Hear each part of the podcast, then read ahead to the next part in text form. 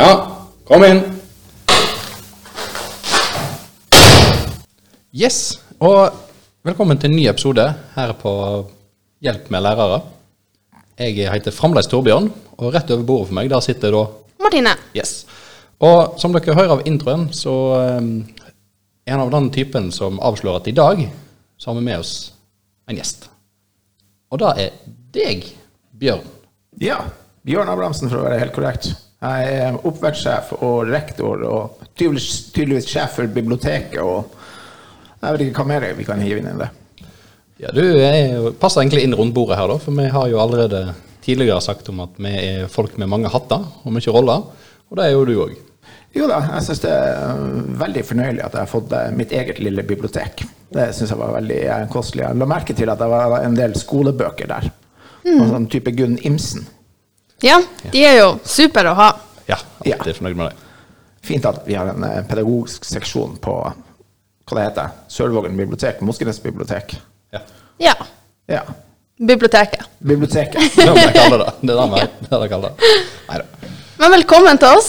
Takk. Eh, veldig artig å være her. Og nå, hvor lenge har jeg vært her nå? Fem uker. Ja, det går fort. Det går veldig fort. Eh, Det er nesten så du er blitt fast invitar her. Du har vært her for alltid. Det føles i hvert fall sånn.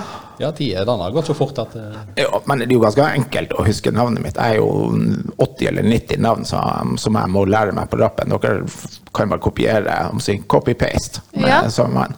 Ja. Bare si Bjørn, så er det noen, en eller annen rektor som reagerer. Men du har jo vært flink å lære deg navn. Du har, du har jo litt flere navn å lære deg inn. Vi Ja, så du er 80-90. Ja. Så du har klart det bra. Du har overlevd i fem uker. Bare der fortjener en applaus. Hei. Hei. Nei, men jeg skal ikke tulle. Ja, nei, altså vi har vel eh, litt forskjellig tematikk som, eh, som vi skal ta opp i dag. Um, jeg er en av de karene som har vært lenge i skolen. Jeg har vært 25 år i skolen. Og det hadde seg sånn slikt den gangen i det herrens år 1996 at jeg var på en tråler. Jeg hadde sommerjobb på en tråler. Jeg har vært fisker. Er veldig få som egentlig tror på denne røverhistorien. Ja, jeg blir litt skeptisk. Ja, det. introduserer det som en røverhistorie. Ja, ja, ok. Jo, eh, men jeg hadde det som at det er en fritur, det vil si at jeg var på land. Sånn som eh, maritime folk nå av og til gjør. Så en, en søndag i september eller august, eller hva det måtte være, så ble jeg spurt om å ta noen vikartimer på en skole utenfor Honningsvåg. Noe jeg sa blankt nei til. Ja, hvorfor var du så klar på det? Eh, hva jeg skulle lære dem. Eh, jeg kunne knapt knytte sk- skolelisten mine sjøl. Men etter en del overtalinger og frem og tilbake, så ble jeg som assistent og ufaglært lærer. Og siden da eh, har jeg egentlig primært bare vært i skolen. Jeg har gjort veldig mye forskjellig. Jeg har vært ufaglært lærer, jeg har vært faglært lærer, jeg har vært ressurslærer, jeg har vært øvingslærer, jeg har vært teamleder, jeg har vært inspektør, jeg har vært avdelingsleder, jeg har vært rektor, jeg har vært rådgiver for skoleeier, og jeg har vært eh, prosjektleder for Eller er egentlig ikke et prosjekt, men et program. Mm. Det som en gang i tiden het Ny GIV, det fikk nye bein å stå på ca. 2013. Og da greide de å kalle det for Program for bedre gjennomføring av videregående opplæring. Ja, så du, du er som en potet. Ja, Kan brukes til det meste. så lenge jeg har en eh, fin eh, skjorte på meg, så funker det. Det går det. Ja, nei, så uh, snakket litt om det i, eh, her i forrige ukas episode, egentlig. eh, om at eh, jeg fikk jo deg til å starte foreldremøtet mitt. Um, og så, så jeg sa til foreldrene etterpå at det var jo lite taktisk med tanke på at eh, her kommer det en med 25 års erfaring som skal introdusere og være oppvarmer feil med sju. Eh, Men uh, det gikk nå som det gikk. Ja, og det er jo av all den erfaringa du har at vi ønsker å ha det her i dag òg, for vi skal komme inn på den såkalte mobbeloven, da, paragraf 9a. Ja. Paragraf 9a. eh, Som kom for fem år siden. Kom første året mitt som si, genuin rektor, og tok nok mange rektorer og skoleledere litt med, med sjokk. Ja, kan jeg få spørre, hva følte du når den kom? Jeg var ikke klar over at den kom, før jeg fikk eh, jeg si, et skriv, skriv om det fra, fra UDIR. Eh, Altså, til da så hadde jeg egentlig levd ganske så beskytta som hva vi skal si, prosjektleder og rådgiver inn på eh, på, si, på fylkeskontoret mitt. Så det her hadde egentlig gått meg litt sånn hus forbi, for um, Utdanningsdirektoratet tok og informerte om det, egentlig. Jeg var akkurat låst opp døra mi, så jeg var kanskje den første e-posten jeg fikk som, som rektor. da. Ja. Uh, og det her blir jo drøfta noe innad i, i, i kollegiet, og drøfta med litt andre rektorer. Det var veldig mye usikkerhet rundt akkurat den. Uh, hva vi skal gjøre, og hvordan vi skal utøve den. Og uh, sånn som si, den, den starta, så kom den veldig brått. På, på, skolen. Den har jo vært signalisert da, gjennom ymse kanaler, men det kom veldig brått. Og det var for vi skolefolk vi liker at ting er veldig konkrete. Der det står skal og bør og kunne og hva det skal være. Og min subjektive mening var at den her var litt um, den var litt rund sånn til å begynne med. Man fikk ikke helt tatt tak rundt hva, hva er det de egentlig er på jakt etter her. Jo, jo, man er på jakt etter at eleven skal ha et godt psykososialt miljø. Det er jo, det er jo selvsagt. Men hvilke virkemidler skal du bruke hvis du f.eks. avdekker mobbing? Og det som kom eh, etter det, det var jo de her eh, mobbeombudene som er rundt omkring på, på fylkene, som, som, jobber med å følge opp denne paragrafen. Og jobber med å hjelpe skolene med f.eks. aktivitetsplaner tilsvarende. Mm.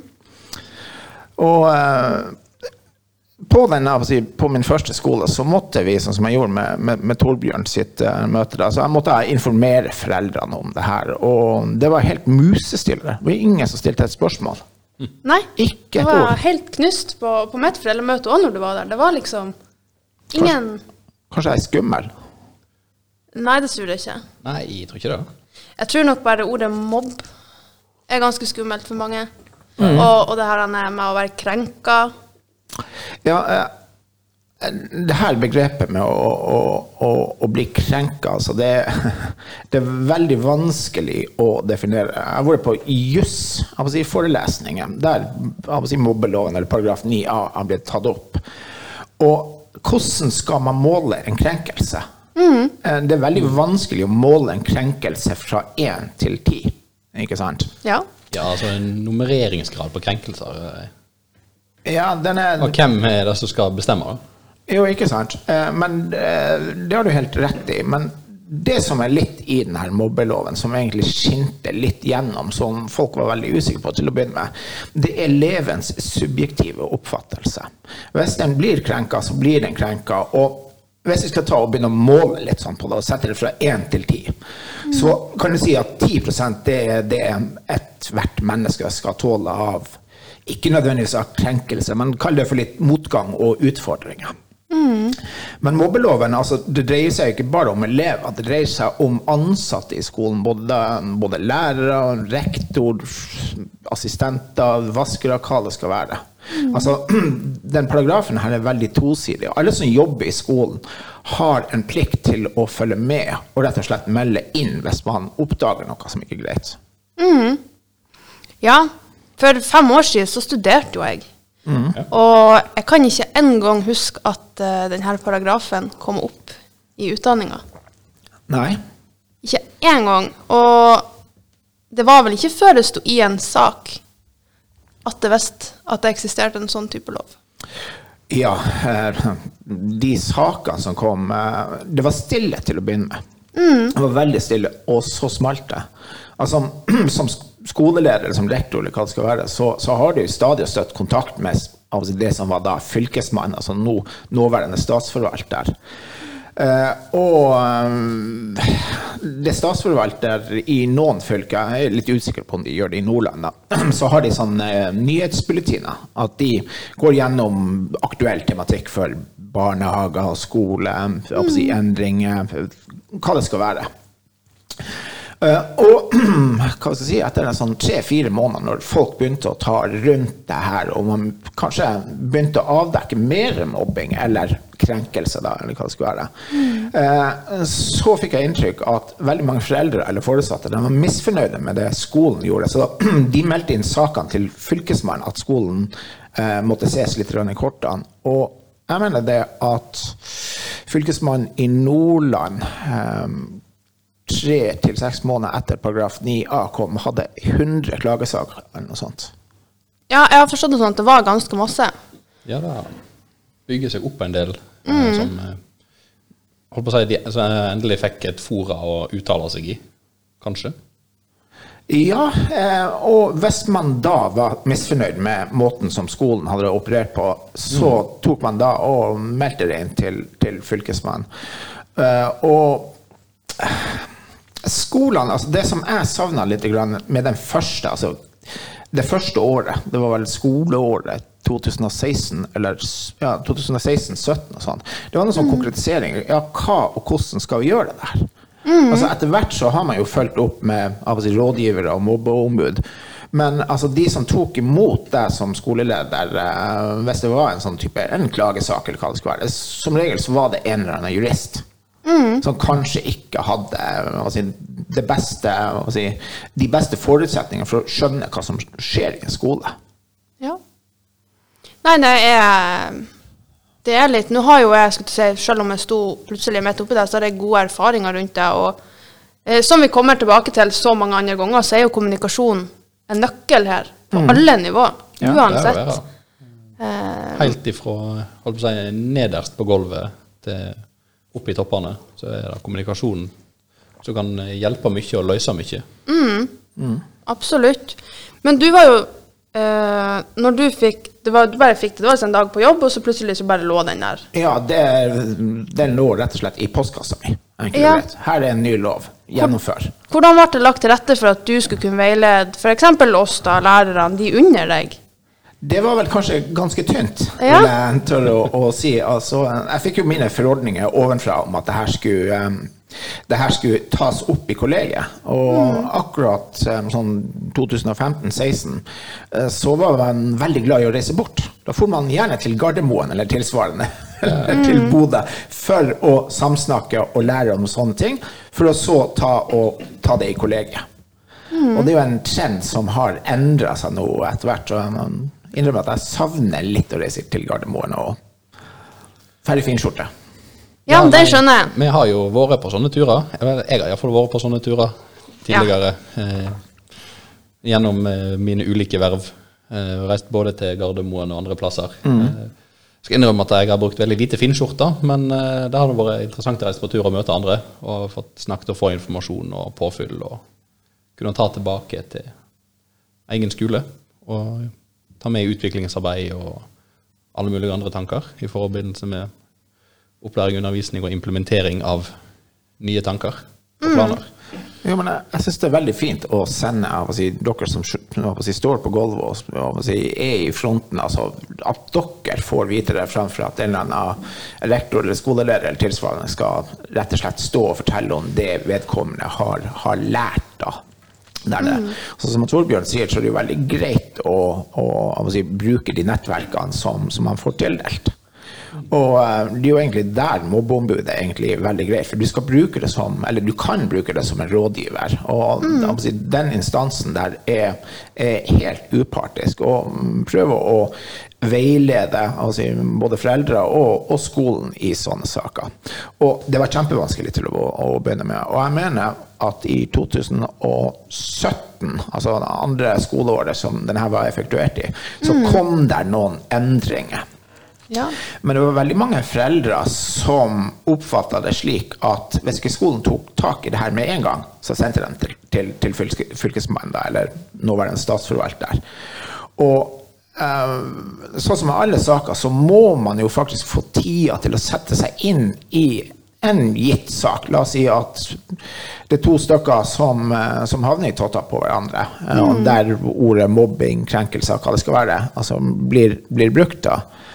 Eh, og eh, det som, som skolen egentlig har fått, det er at man har fått en tid til å utøve undersøkelsesplikten sin. Eh, det å snakke med to stykker som har vært i tottene på hverandre med en gang, det har veldig liten effekt. Og man si det, dere har jo dere har vært nok år i skolen til, til å vite det, da. ja. Det, erfaringsmessig så er det jo å la det synke litt inn hva som har skjedd, og så ta, ta en samtale etter hvert. Eh, men det er jo ofte sånn òg at masse av de her eh, situasjonene trenger ikke nødvendigvis å skje eh, på skolen. Nei. Det er ikke det. Iallfall ikke nå, sånn som samfunnet utvikler seg. Så har det jo blitt veldig mye digitalisering av samfunnet, på godt og vondt. Og vi har jo òg sett og opplevd at mye av denne mobbekulturen og situasjoner, de har beveget seg ifra på skolen, og fysisk på skolen, til å havne på nettet. Ja, Det tror jeg du har helt, helt rett i. Og da smitter det en eller annen gang når det sprekker, og når det smitter, så smitter det over i skolen. Og det er der eh, veldig mange av de her sakene her smeller. Ja, og da er det jo enda vanskeligere for oss som er her og skal kartlegge og, og fylle inn i en aktivitetsplan hva skal vi gjøre, for vi vet jo ikke nødvendigvis omfanget av det, eller nøyaktig hva som er blitt sagt eller gjort.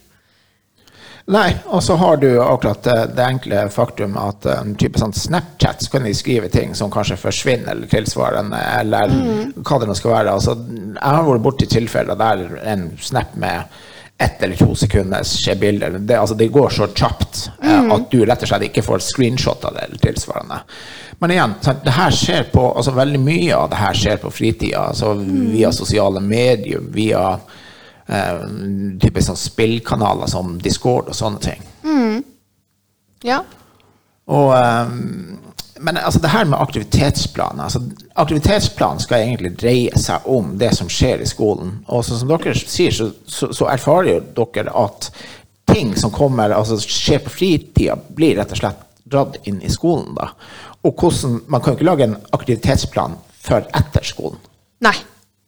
Det er litt vanskelig. Det, det må nok uh, andre stå for arbeidet. Men uh, jeg har tidligere uh, under utforming av en aktivitetsplan også vært i dialog med foreldre for hva kan jobbes med hjemme, hvordan kan vi Så man stiller jo gjerne opp som en veileder. Ja. Men det er jo som sagt kun skole. Ja. Nei, altså akkurat det du sier her med å ha foreldre med i utviklinga av en aktivitetsplan, det er veldig smart, for da får man eierskap til den, og så blir den også forankra hos dem. Altså Hvis sånne her saker blir meldt inn, så eh, i de fleste tilfellene så er det foreldre eller foresatte som, som kommer med det og sier at barnet deres ikke har det greit på skolen, at skolen må gjøre noe.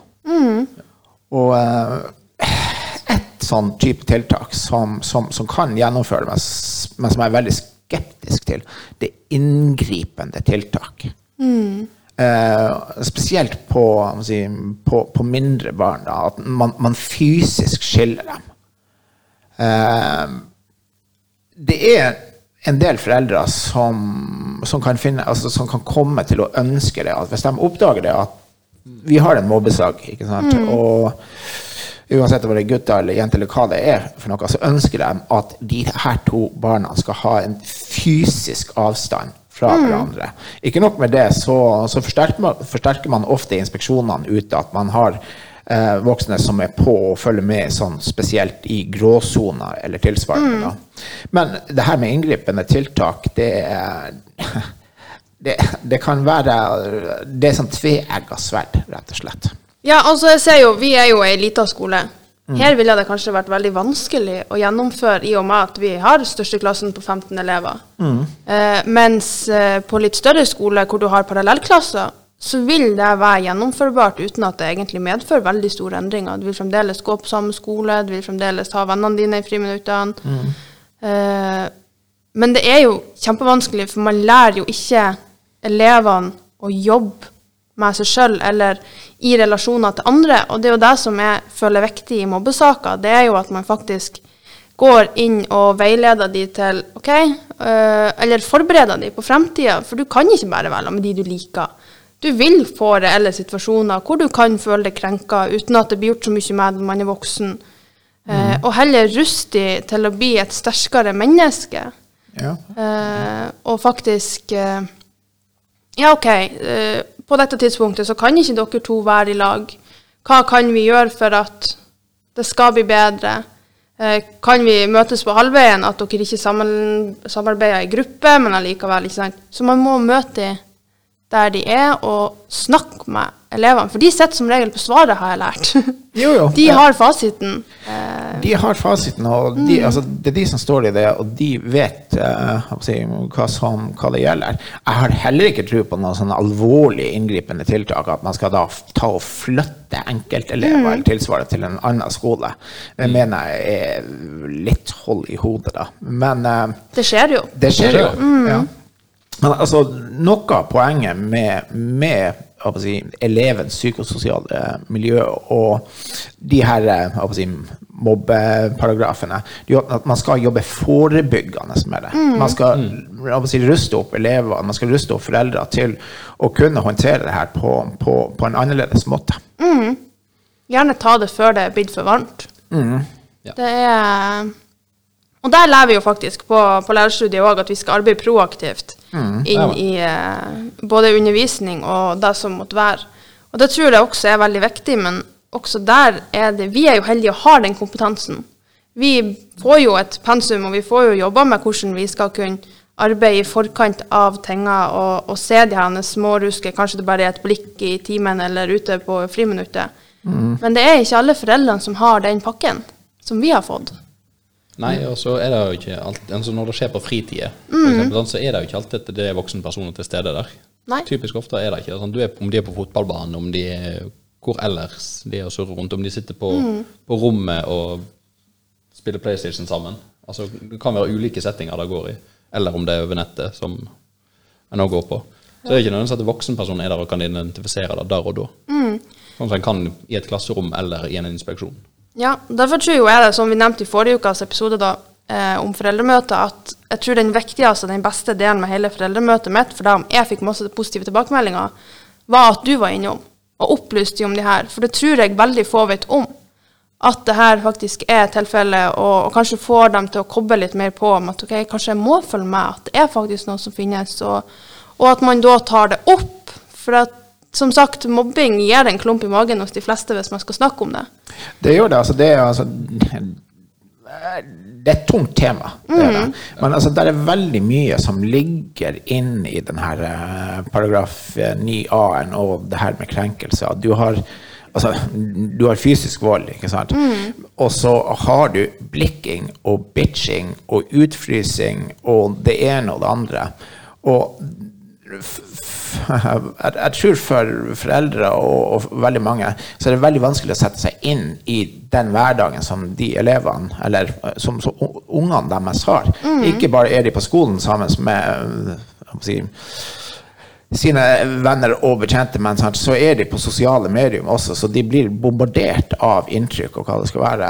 Og for mange så kan det være like ille og hvis de ikke får noen likes på et bilde eller tilsvarende. Ja, altså, det er mye forskjellig eh, den går ut på. Sant? Altså, du har eh, situasjoner der en må planlegge hva klær en skal ha på seg for å ikke bli frøs ut av gruppa. For eksempel, altså, det fins jo eksempler der du har elever som de har, altså Ungdomsskoleelever som har gått opp i karakter ved å bytte skole ene og alene fordi de slipper å tenke på hva de skal ha på seg av klær. Og må bruke så mye energi for å passe inn. Ja. Det Jo, skjer. eh, akkurat det du sier der, det er en, en, når jeg jobba i Volda, da, det begynner å bli en del år siden, veldig lenge siden, da hadde høyskolen faktisk et uh, ørlite problem med studenter som kom for sent til pliktig undervisning, for det var ett bad eller si, på del på fire, og de her jentene her, de skulle sminke seg før skolen, så det var mange som måtte stå opp klokka seks for å, å stæsje seg opp, men det var en digresjon. Ja, men, men samtidig så er det veldig viktig, for da, da illustrerer du òg pliktig oppmøte. Det er Volda, det er snakk om høgskole. Det er faktisk snakk om voksne mennesker som gir Ja. ut de her signalene til ungene om at her er et forventningspress om at du skal være sånn og sånn og sånn. Så de man, Som voksen så må man jo også tenke over hvordan man opptrer både utseende og eh, holdninger og alt sammen. Og, og det opplever man jo òg i forhold til type mobbesaker, at det kommer jo som regel frem at det kommer fra noen som burde visst det bedre, og som gjerne er voksen. Eh, og den her eh, si, mobbeloven den omhandler jo ikke bare elevene. Den mm. omhandler si, skolens ansatte også. Eh, og det som kom frem eh, si, etter 2016-2017, det er at lærere må også, altså skolens ansatte må også ta det her til seg. Og man må passe på at man ikke f.eks. kommer med slengbemerkning eller bruker ironi eller noe sånt som, som kan være krenkende da. Og det samme kan faktisk det kan gå så langt at det kan, kan gjelde blikking også, at du nesten ikke kan se strengt på noen.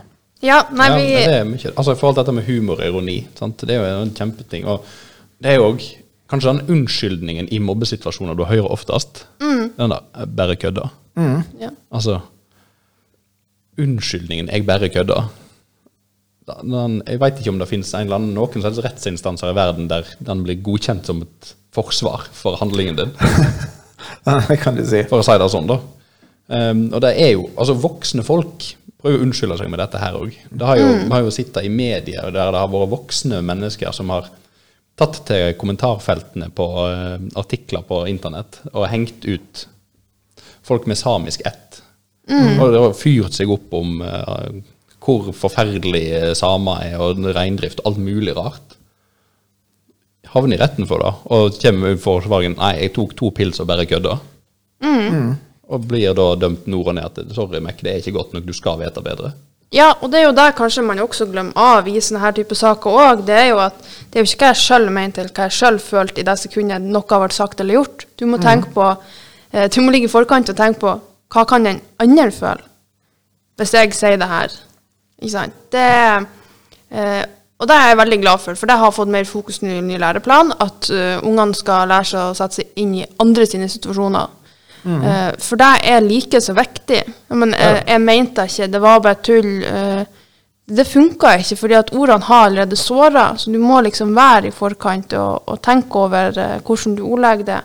Og særlig nå når man fort blir krenka, og det er masse som, som skjer, og de blir utsatt for alle de her eh, Jo da, altså vi kan vel konkludere med at det, det er flere arenaer enn det var før, som man kan da bli, bli krenka på. Og det er et veldig godt eh, og betimelig eksempel, sånn som du sier, som voksne som, som, som skriver på Facebook eh, side opp og side ned og lirer av seg de, de, de verste tingene. Det er jo ikke akkurat gode forbilder. Nei. De, de, altså, de snapper det opp på et eller annet vis. Ja, for det, ungene er de beste menneskekjennerne. de er de beste menneskene, og de er de, er de hyperobservante. De får med seg så utrolig mye. Så er det, det er den ene sleivkommentaren som kommer rundt middagsbordet. Ja. Den henger de seg merke til, f.eks. Skal ikke ofte ikke mer til enn det. Nei. Nei, så det, det som Den erfaringen jeg har gjort meg over altså, siden den kom, det er at en del av hva skal jeg kalle det for sånn, kulturen til ungdommen de har forandra seg ganske marginalt. Og det vil si at de er veldig bevisste på at der er en mobbeparagraf. Og um, hva skal jeg si um, Mm. de grøvste har en veldig streng sånn indrejustis seg imellom. Da, mm. si, ungdomsskoleelever primært, da, men det er sant, det her går ned i, i mellomtrinnet også. Og hvis, de, eh, hvis de oppdager at noen snitcher på dem, rett og slett, og tyster på dem, eh, så kan jeg si, det barnet få, få konsekvenser i det ungdomsmiljøet med at igjen, det blir frosset ut. Eh, kan få seg si, både bank og det ene og det andre. Og det her skjer på fritida, ikke nødvendigvis på skolen. Også som du sa nå for en liten stund siden, altså veldig mye av det som skjer på fritida, blir dratt inn i skolen. Så det er veldig mange som greier å holde roen sin og besinner seg på skolen, og så kommer de eh, si, så er de ferdige på skolen, og så tar de affære. Ja, ja. Absolutt. Og det er Det går jo også Det er jo som du sier også, at de, de er jo mer bevisst på at det er en mobbelov her. For vi får jo ofte den gjerne fra, fra elever 'Å, jeg føler meg krenka'. Eh, 'Du stenger meg ute'. Den kommer i retur til oss òg. Ja, ja, ja. og, og det er liksom Det er litt sårt òg for de som kanskje trenger denne loven, at sånne kommentarer kommer òg. Jo da, altså, det er jo noen som, som bruker den for, for alt den er verdt. Eh, og så har du det her, det er sånn, alle skoler har det, altså skolereglement, skolereglene. Og det er veldig mange, for, for at man skal liksom favne over alt som skjer i en skole, med altså, plikter og hva som er lov og hva som ikke er lov, så blir det veldig ofte sånn her eh, velkommen forbudt. ja. Uh, og hva og hvordan skal du håndtere eh, altså, atferd? Eh, på mellomtrinnet så kan du bortvise én elev inntil én dag, dvs. Si at du kan sende det igjen. Hvis det er noe alvorlig grovt på ungdomstrinnet, så kan du bortvise den i tre dager. Men så er det noe som slår mot igjen, og det er at enhver elev har rett på 190 skoledager i året. Så her er en del sånne her juridiske gråsoner i det her. da. Ja. Ja, jeg er jo litt eh, Jeg skjønner at konsekvenser og sånt, det, det er jo en ting som funker, og det har vi snakka om litt tidligere òg, at uh, ulike Altså, unger liker ofte rutiner og noe fast å forholde seg til, og at de vet at det kommer noe hvis de gjør, eh, gjør en, en handling. Uh, men jeg føler aldri at den der han eh, blir hjemsendt tre dager eller en dag har funka. Det er bare 'Å, yes, en ekstra fridag'. Ja, Ofte så ser de det som en belønning. Ja. Kan gjøre. Ja. Dette, altså Den bortvisningseffekten er Mm. positiv Ja. Ja. kontra å være negativ. Så, så kanskje er det bra at det er noe som sier at de må være 190 dager. Ja. For at da blir det ikke som en fridag. Likevel. Jeg kan være enig om at enkelte elever har gått av en liten pause Mm. fra, jeg si, fra selve konflikten, eller hva det skal være. Så, Ja. så den er nå helt med på. Men eh, altså det her med å, å gå inn med hard hånd og straffe og være si, virkelig autoritær, det tror jeg ikke har noe effekt. Nei. Nei. Der lærer vi opp på skolen. Mm. Autoritativ, blanding av det, da er, det, da er du liksom den perfekte. Ja, det er mye bedre. Men igjen, så har du altså Der er forskjell på gutter og jenter. Det er da, Der er forskjell på måten som de opererer på. Og altså, gutter kan lire av seg en del stygge ting. Jeg vil anbefale jeg de som kanskje hører på, hvis de har en en guttunge som sitter og spiller PlayStation med noen på nett, ta og hør på det språket han bruker der. For dere er Ja. en heftig opplevelse. Det er, og så er det liksom, hvis du spør de òg om de vet hva det betyr, for ofte er jo engelske Mm. skjellsord. Ja. Og så har de ikke peiling. De bare hører andre si det, og så tenker de at oi, Mm. det her kan jeg òg si. Og da glipper det som regel en gang, og så blir det kasta ut mot noen som kanskje ikke tåler å høre det, og da er vi i gang. Jenter er mer innfløkte. Det er ikke bare sånn at eh, de går og lapser til noe. Der er, der er mer intrikate saker, og der du har det her med bitching og blikking og stirring og det ene og det andre. Ja, min erfaring er jo ofte at jentekonflikter er vanskeligere å nøste opp i enn guttene. For guttene de er liksom i det der og da. Og så løser man, eller så setter man inn tiltak, eller ja. ja. Og så går det over. Ja. Og så jentene, de bare drar det ut. Det, de er så lur, og det eh, Det er selvfølgelig Du har jo de jentene som er veldig flinke å si ifra òg, hvis at de føler at de blir krenka. Og, og med en gang, og det har jeg nevnt tidligere òg, at jeg sjøl når jeg blir sliten, så himler jeg med øynene. Og jeg gjør det ubevisst, jeg var ikke klar over det engang. Før en elev bare rekker opp hånda og sier vet du hva, jeg føler faktisk meg dum når du gjør det. Og så tenker jeg hva jeg gjør for noe. Ja, du himler med øynene, og da er det sånn Oi! Og, og det er man ikke klar over når man står der heller. Ting man gjør ubevisst. Nei. Og der har jeg allerede krenka noen. Ja, det er mye Og den skjønner jeg. sant? Og det er jo sånn jeg har sagt til elevene mine, og sier til alle elever som jeg har, at hvis det er på noe Det er aldri min intensjon i måte gjøre sånn at de skal føle seg krenka, eller på noe slags vis. Det er aldri intensjonen min. Så hvis de gjør det på et tidspunkt at det er et eller annet jeg sier eller gjør, så gjør at de får den følelsen, så må de være så greie å komme seg ifra, for da skal jeg gjøre noe med det med en eneste gang. Fordi at uh, jeg er ikke interessert i at de skal ha en dårlig dag av meg. Nei, eh, men så har du også det her aspektet at eh, av og til så er du faktisk nødt for å gå fysisk inn for å skille noen elever. Eh, og hvis du må Du må ikke ta for svart, og du må ikke ta for hardt, og du kan per definisjon ikke legge handa di på elevene. Men sant, i, uh, i sånn aspekt med slåsskamper eller tilsvarende, så er han faktisk fysisk nødt for å gå inn. Altså nesten som, som nødverge å, skille dem. Men må si, det å røske tak i noen, som man gjorde i, må i gamle dager, det er rett og slett ikke lov. Og det her er også elevene veldig bevisst på. Det Ja, det. Eh, og eh, jeg har hatt mange elever på kontoret mitt som sier at du har ikke lov til å ha meg her, du har ikke lov til å det ene og det andre, ikke sant. Så eh, de har jo egentlig rett. Ja da, han tok meg på skuldra, det har han ikke lov til. Og, og det, de er veldig klar over det. Ja. Og det kommer jo som sagt ifra en plass. Ja. Ja. Men altså, det- jeg har eh, jeg må si veldig mange av de jeg kjenner, og jeg si, øh, veldig mange av Eller alle som egentlig jobber Det er jo egentlig lærere og folk som jobber i skolen. Og uh, de har fortalt at enkelte altså de holder en sånn her veldig stor avstand fra elevene sine nå. Altså Til og med på barnetrinn og mellomtrinn, der jeg må si, kroppskontakt er normalt. Ja. så tar man og, og trekker seg bort fra det her for å holde en tilbørlig avstand fra det. Og det, det er litt sånn rart, egentlig. Det er litt synd. Jeg ser jo eh, Nei, den eh, tredjeklassen jeg har nå, når jeg begynte med de første, så hadde vi en sånn plakat på veggen hvor de kunne velge hvordan vi hilsa på morgenen, om det skulle være en high five, om det skulle være en klem, eller en helse i handa, eller eh, Og den etterlyste de. Når tid får vi den klemmegreia opp igjen? For vi måtte jo fjerne den når korona kom. Ja. Og det er litt sånn Det var veldig lett for meg å se om de har en god eller dårlig dag. For som regel når det er en dårlig start, så var det den klemmen. Kan jeg få en klem? Uh, så den nærheten som man på en måte må distansere seg litt ifra, den er Det er litt sårt, for ungene trenger det. De, de er store deler av dagen i lag med oss. Jeg bruker ofte å tenke på at uh, altså, skolen, det, er er jobben deres. De er, altså, det, det de driver med fra første til tiende klasse, det er jobben deres, rett og slett. Og eh, altså, det er veldig enkelt å parallellstille en skoledag med en arbeidsdag, for uansett om du jobber på hva den skal være. Altså Skal du ha et godt arbeidsmiljø der, altså, du har jo kroppskontakt altså, altså, du, tar jo noen i handa, og du klapper noen på skuldra. Men det er nesten sånn at du kan gjøre det her. Nei.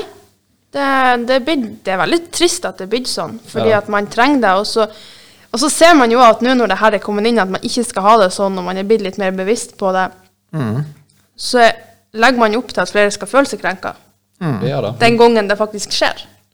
Og da har vi en sak. Du har en sak der, også, men så, du møter jo også det paradokset som du sier, med disse elevene som oppsøker kontakten. De trenger den, de, de har behov for å få den, sant? om det er klemmen, eller om det er på en måte bare en sånn dult i skulderen, liksom, som bare 'hei, her er jeg'. Ja, jeg ser er deg, liksom.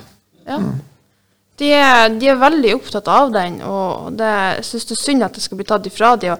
Og, og så tenk spesielt overgang barnehage-første klasse. Hvor de går ifra fra lek og artig og kos og, og sånn her, og så skal de komme hit, og så skal de plutselig sitte i ro så og så lenge, og så skal de eh, ikke ha den her eh, koselige samlingsstunden med, med musikk og, og det her. Så dagen slår det så hardt i trynet, altså, at den klemmen, eller den high fiven, eller hva det måtte være, den er så behøvelig.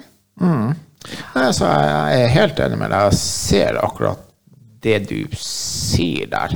Og ehm, ja, altså Det som jeg sier til meg sjøl, da, og det at skolen er i endring.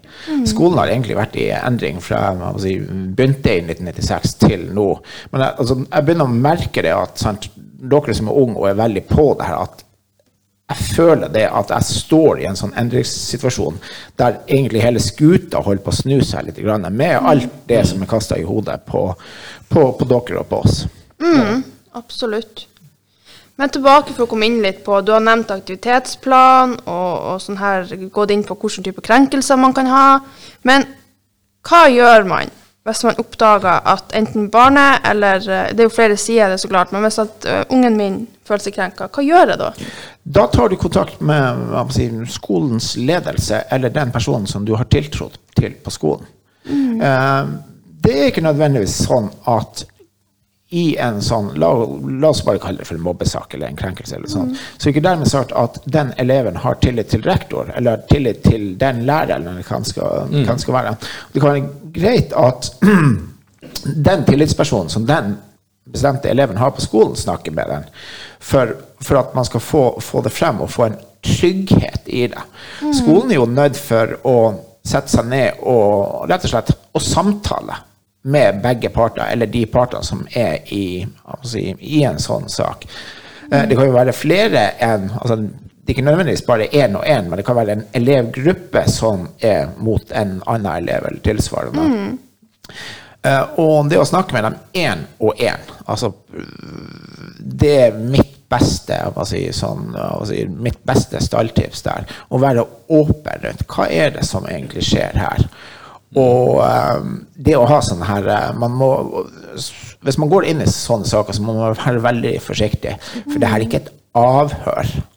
Det her er en undersøkelse du skal ha, som skal bedre skolehverdagen for, uh, for, for den eleven. Og det som også er veldig veldig viktig her, sånn som jeg ser det, det er å skrive referat av det møtet. For eh, du kan komme til et ståsted, eh, hvis det her virkelig eskalerer, der statsforvalter sier kan vi få alle sakspapirene i denne saken her, derav eh, si, møtereferat. Og eh, skal du, eh, skal du håndtere en sånn sak, så er det greit å være to også. Eh, da, da har man ryggen fri, så da sitter man ikke alene med en elev eller foreldre, eller hva det skal være, men at man har en kollega som da skriver referat, og også kan hjelpe deg å, å komme på, på de gode spørsmålene. Ja, dette er jo noe da som òg var innom både si, i forhold til litt på pedagogikken, men òg i forhold til veiledning som jeg fikk når jeg kom ut i jobb. I for, forhold til akkurat sånn sak som at du skal aldri stå alene i en sak. Nei. Alltid hver, eller minst to. For å da kunne støtte hverandre gjennom saken, og ikke stå i det alene. Ja. Og jeg tror at i sånne her saker så er det veldig mange lærere som har stått rett og slett alene. Uh, og uh, min erfaring akkurat der, uh, det er at altså prøve å løse det på lavest mulig nivå. Og hvis det er en uenighet, så er det sånn som jeg ser det, da, så er det et kontaktlæreransvar. Hvis det er noe grovere, eller hvis det kommer frem noe annet, så ønsker jeg at skoleledelsen er virkelig involvert i det, og, og er hands on der. Veldig bra. Det er lurt. Så da vet man litt mer hva man skal gjøre. For det, jeg tror det er der Ja. masse av usikkerheten ligger, at man vet ikke helt hva man skal gjøre. Ja, hvordan skal man ta, gå fram eh, når man Ja. ser noe? For du kjenner på ubehaget. Sant? Og hvis det er veldig ubehagelig, og så hvis man da skal dra paralleller til andre situasjoner ellers i livet, så er jo ubehaget er noe vi ønsker å unngå. Og kan det da være lettere å ikke gjøre det, så gir deg mer ubehag. Fordi at du da er kanskje alene i situasjonen. sant? Så er her en ting til som er veldig vanskelig. Det er det at en sånn her sak, hvis den er av en viss art, da, så må den følges opp. Du er ikke ferdig, selv om du har hatt et møte og sagt at han Per og han Pål er venner nå, men du må følge den saken opp. Og da gjerne gjennom en aktivitetsplan, som da man må si, må evalueres og revideres fortløpende. Noe som jeg ser at um, en del skoler kanskje har gjort i sånne her saker. Man kan jo google sånne her ting og finne det. Er at man har for mange tiltak. Ja. Altså at man, eh, man har eh, åtte eller ti eller 15 forskjellige tiltak. Altså min erfaring det er finn tre til fem gode tiltak. Dessverre kan ett av dem i en periode være inngripende tiltak, Da er du faktisk nødt for å skille de elevene. Og det har sine fordeler og sine bakdeler. Men ha tiltak som du kan måle en effekt, effekt på, som du kan se faktisk fungere. Et av de, et sånt tiltak som er hva skal si, ganske logisk, det er å forsterke inspeksjonen ute og ha flere voksne der ute som følger med. Absolutt. Jeg har jo vært innafor uh, litt uh, samme tankegang. Jeg bruker også å si maks tre. Jeg bruker å ha For at Det er bedre med kvalitet enn kvantitet. Ja, det, sånn. er, det blir plutselig veldig overveldende. Og særlig hvis du er den personen som føler du står alene i det. Mm. Og som skal ta samtaler, som skal følge opp. Og hvis du da skal ha en fem, altså fem, altså åtte punkter, da, Mm. så er det utrolig masse. Du, du får jo ikke Du må jo prioritere, og ofte så går det utover undervisninga. Mm. Hvis du har det ansvaret òg. Det gjør det. Eh, Og så har du eh, det faktumet også at det her må følges opp over tid. Du er ikke ferdig med det i løpet av tre uker eller seks Altså, det her kan gå et halvt år. Der, der. Altså, du må ikke slippe det. Nei. Nei, du må liksom holde trykket jevnt på hele veien. For at eh, hvis du slipper av gassen for tidlig, så kan den gli tilbake igjen. Og derav òg referat. Det er kjempegreit å ha det, for da vet du hva som har blitt snakka om før, og så er det lettere å måle eh, om det har skjedd en endring. Hvis man ser på hva har blitt sagt, hva har blitt gjort, hva var utfordringene da, og hvor står vi egentlig i dag. Hvordan sa eleven at den følte? Eh, hvordan føler den nå at den har den nå? Eh, og så tror jeg også man skulle ha hatt litt sånn her eh, spørsmål. For det er vanskelig å stå i det og finne gode spørsmål som kan gi deg de svarene du trenger for å jobbe ut ifra noe. At man også har en som kan utforme spørsmål eh, i lag med det. For hva, hva er egentlig en god samtale? Hvordan kan man komme frem til ei endring eller eh, tiltak som faktisk har en effekt. Det har, du, det har du helt rett i. Der er en del nettressurser på, på sånne ting. Statsforvaltere har forresten en som jeg mener heter Spekter. Men jeg, altså det er sånn med sosiogrammer og sånne ting. Men jeg er faktisk usikker på om den er lovlig. For det har faktisk vært noen rettssaker og noe juridisk rundt akkurat bruken av det. Altså Der er bøker, der er si, foiler, der det ene og det andre. Hvis du tenker på egen skole, så er min anbefaling at man lager sånn her eh, folder, rett og slett. Altså sånn Q-cards, rett og slett. Absolutt. Her er en her er måte, eh, sånn, Hvis det begynner å brenne, hva gjør du da? Jo, du gjør sånn. Punkt 1, 2, 3, 4, 5, 6, 7, 8, 9. Og har en smørbrødliste på på sånne ting. Absolutt. Og det er Det har vi jo faktisk fått uh, påpeka tidligere når vi har fått nyansatte, at det er sånn Ja. smørbeliste, det mangler. Det hadde vært kjekt å hatt. Så derfor så eh, var det jo noen her på huset som tok litt ansvar i år, når vi fikk nye ansatte. Ja. Mm. Ikke ei fullstendig smørbrødliste, men det var en start. Det var iallfall et bra smørbrød. Ja. Ja.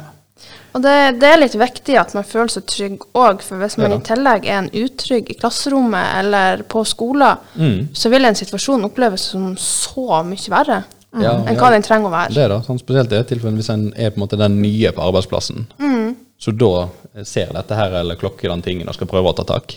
Den kan jo da føles ekstra utfordrende enn hvis det er noen som har noen år på baken, for å si det sånn. Ja. Jeg og du snakka jo litt løst om sånn her i stad. Eh, I forhold til at eh, vi begge to har møtt ganske store utfordringer allerede første år som, som lærer.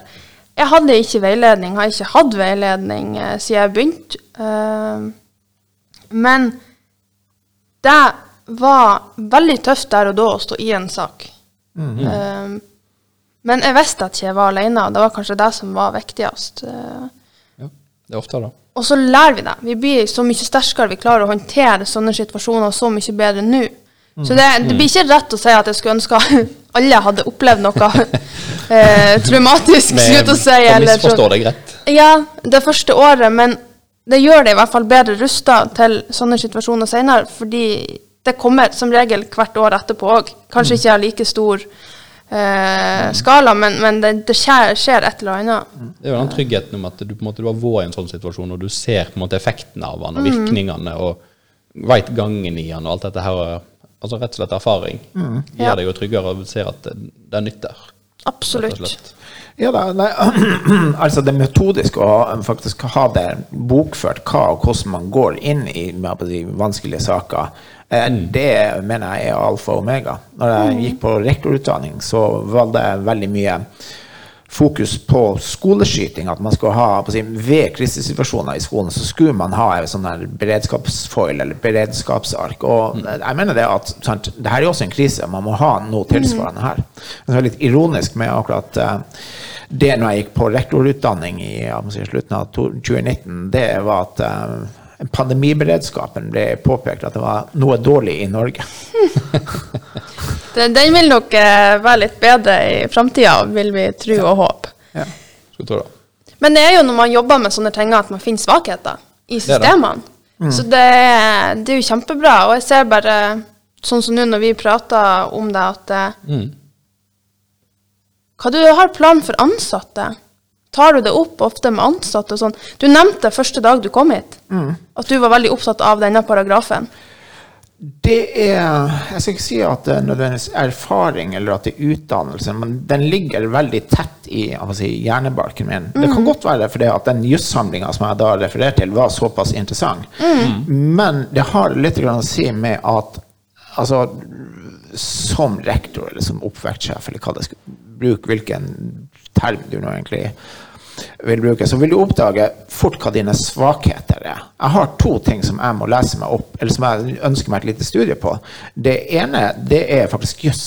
Så jeg skal kunne håndtere da både elevsaker og personalsaker og andre saker på en god og, si, og saklig måte. Eh, og eh, akkurat det her med å, kunne forstå f.eks. hvordan en jurist tenker, og hvordan en jurist handler, hvis det skulle havne på, på skrivebordet til, til statsforvalter, det er veldig nyttig å ha i bakhodet som, eh, som skoleleder.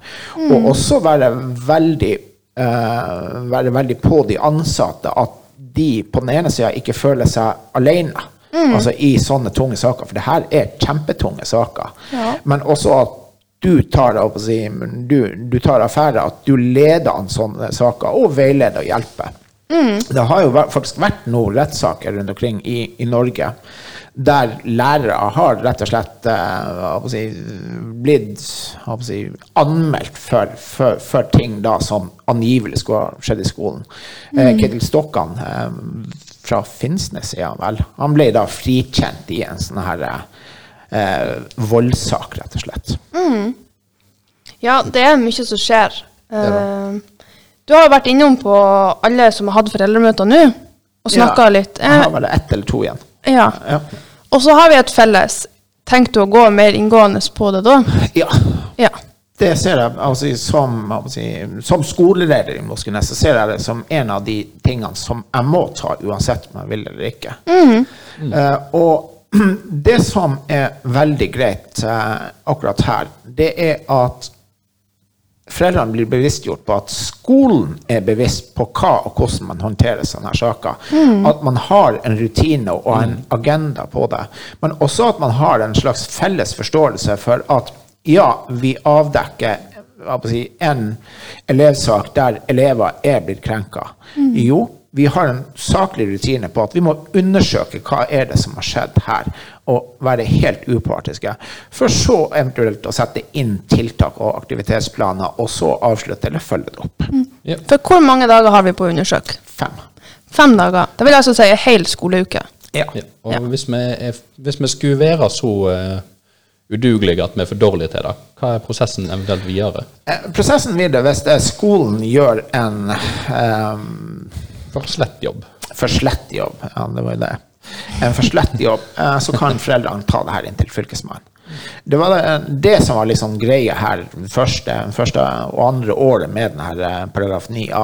Det at eh, foreldrene, hvis de var misfornøyde, ikke dermed sagt at skolen hadde gjort en dårlig jobb, så tok de det og, og kasta det inn til daværende fylkesmann. Og som av å si, bugner over det saker. Men det jeg ville anbefale både lærere og ansatte og foreldre og hva det skal være, bruk mobbeombudene for det de er verdt. De sitter på en spisskompetanse, og det er erfarne skolefolk som kan hjelpe med å si, både foreldre og ansatte med å f.eks. tenke opp tiltak eh, som du kan drøfte anonymt med. Du kan bruke dem til, til veldig mye. Ja. Og allerede der har jo jeg lært ganske mye. For jeg visste ikke at det var mulig. Eh, Det er mulig. Og det er Jeg er veldig glad for at vi får jeg skulle si, Det er jo ikke et glad budskap, men vi får spredd i hvert fall mm. bevisstheten rundt det mer. Og, og kanskje at man jo også hjemme kan snakke med ungene om hva vil det si å bli krenka. Hva, Hvor er terskelen, liksom? For, for litt må vi tåle. Vi må tåle litt eh, og prøve Vi skal jo bygge robuste, samfunnsdyktige medborgere, eh, som det heter på fint. Det er jo da et av mandatene våre i skolen er. Og I samråd med foreldrene så er jo det kanskje den beste måten å få det til på. Det er jo denne her eh, It takes a village to raise a child. Opp med tankegangen. At alle er med og bidrar. Um, og du ser at, for at elevene kan også hjelpe hverandre mye når det kommer til sånne situasjoner. For kanskje noen elever de har kanskje en, en annen trygg elev som de kan snakke om med ting. Det er ikke så lett å komme til de voksne med dem med det første. Så det der er å kunne ruste ungene til å kunne kanskje være den personen for en annen i klassen, eller en annen på skolen. Det er òg ganske viktig å ta med seg. Ja, vi har jo snakka litt om eh, primus motorer i forhold til foreldregrupper på foreldremøter. Men å ha en primus motor i klassen òg, en som eh, har gode opplevelser med lærer, eller en eh, på skolen eh, som, som de føler seg trygge på og kan ta opp tingene med, det har veldig mye å si for, for om andre gjør det samme.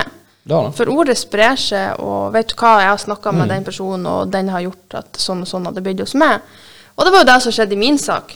Da var det faktisk eh, elever som, Ja. som spredde at eh, Martine elever- hun har hjulpet meg, kanskje hun kan hjelpe deg godt. Elever er jo òg rollemodeller for hverandre. Mm. På samme måten som at vi, vi kan tro at ja, du har eh, Messi og Ronaldo er på en måte rollemodellen for alt av fotballspillere som går fram nå omtrent. Sant? Og at eh, vi håper at vi voksne skal kunne være rollemodeller for elevene. Men det er jo sånn innad i elever òg, at de er faktisk rollemodeller for hverandre, selv om de går i samme klasse. Så det trenger ikke være aldersforskjell nødvendigvis som gjør det. Nei, det, det er det ikke. Og jeg må bare understreke det er veldig viktig å ha foreldrene med på lag her. At de føler at skolen gjør det de kan gjøre for å ordne opp i en sånn sak. Og veldig mange sånne, av de spesielt sårbare barn, altså barn som er i den situasjonen, det er litt sånn som de sitter på en, si, en barkrakk med tre bein. Tar vi ett av de beina bort, så ramler det. Og de tre beina, det er foreldre, det er skole, og det er fritidsaktiviteter eller kompiser. Ett av dem borte, så rakner det. Ja, helt sant. Ja. Det gjør det for øvrig for oss Ja. voksne òg. Det er helt sant. Vi trenger trygghet, vi òg, i livet. Ja. Og trygghet avler opp trygghet. Ja. Og eh, med de ordene der, så stiller jeg et spørsmål, Martine. Hva har du lært i dag? Du, jeg har lært at det er et sånn eh, mobbeombud som jeg kan ta kontakt med hvis jeg står i en veldig vanskelig situasjon. Både som mor og som lærer. Eh, og det tror jeg kanskje er den viktigste tingen jeg blir å ta med meg, og bare det at det må snakkes om. Eh, og det er litt som vi har snakket om også på andre tema. Ting må ihjelsnakkes for at man skal klare å bli robust og bli forberedt på hva som kan komme.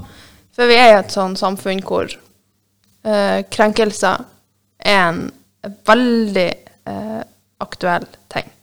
Ja. Ja. Så da avslutter vi med å si husk å snakke sammen. Og tusen takk for at du kom.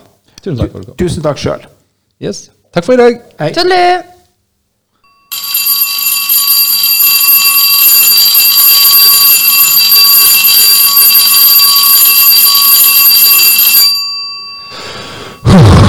Nå skal det bli godt med en kopp med kaffe.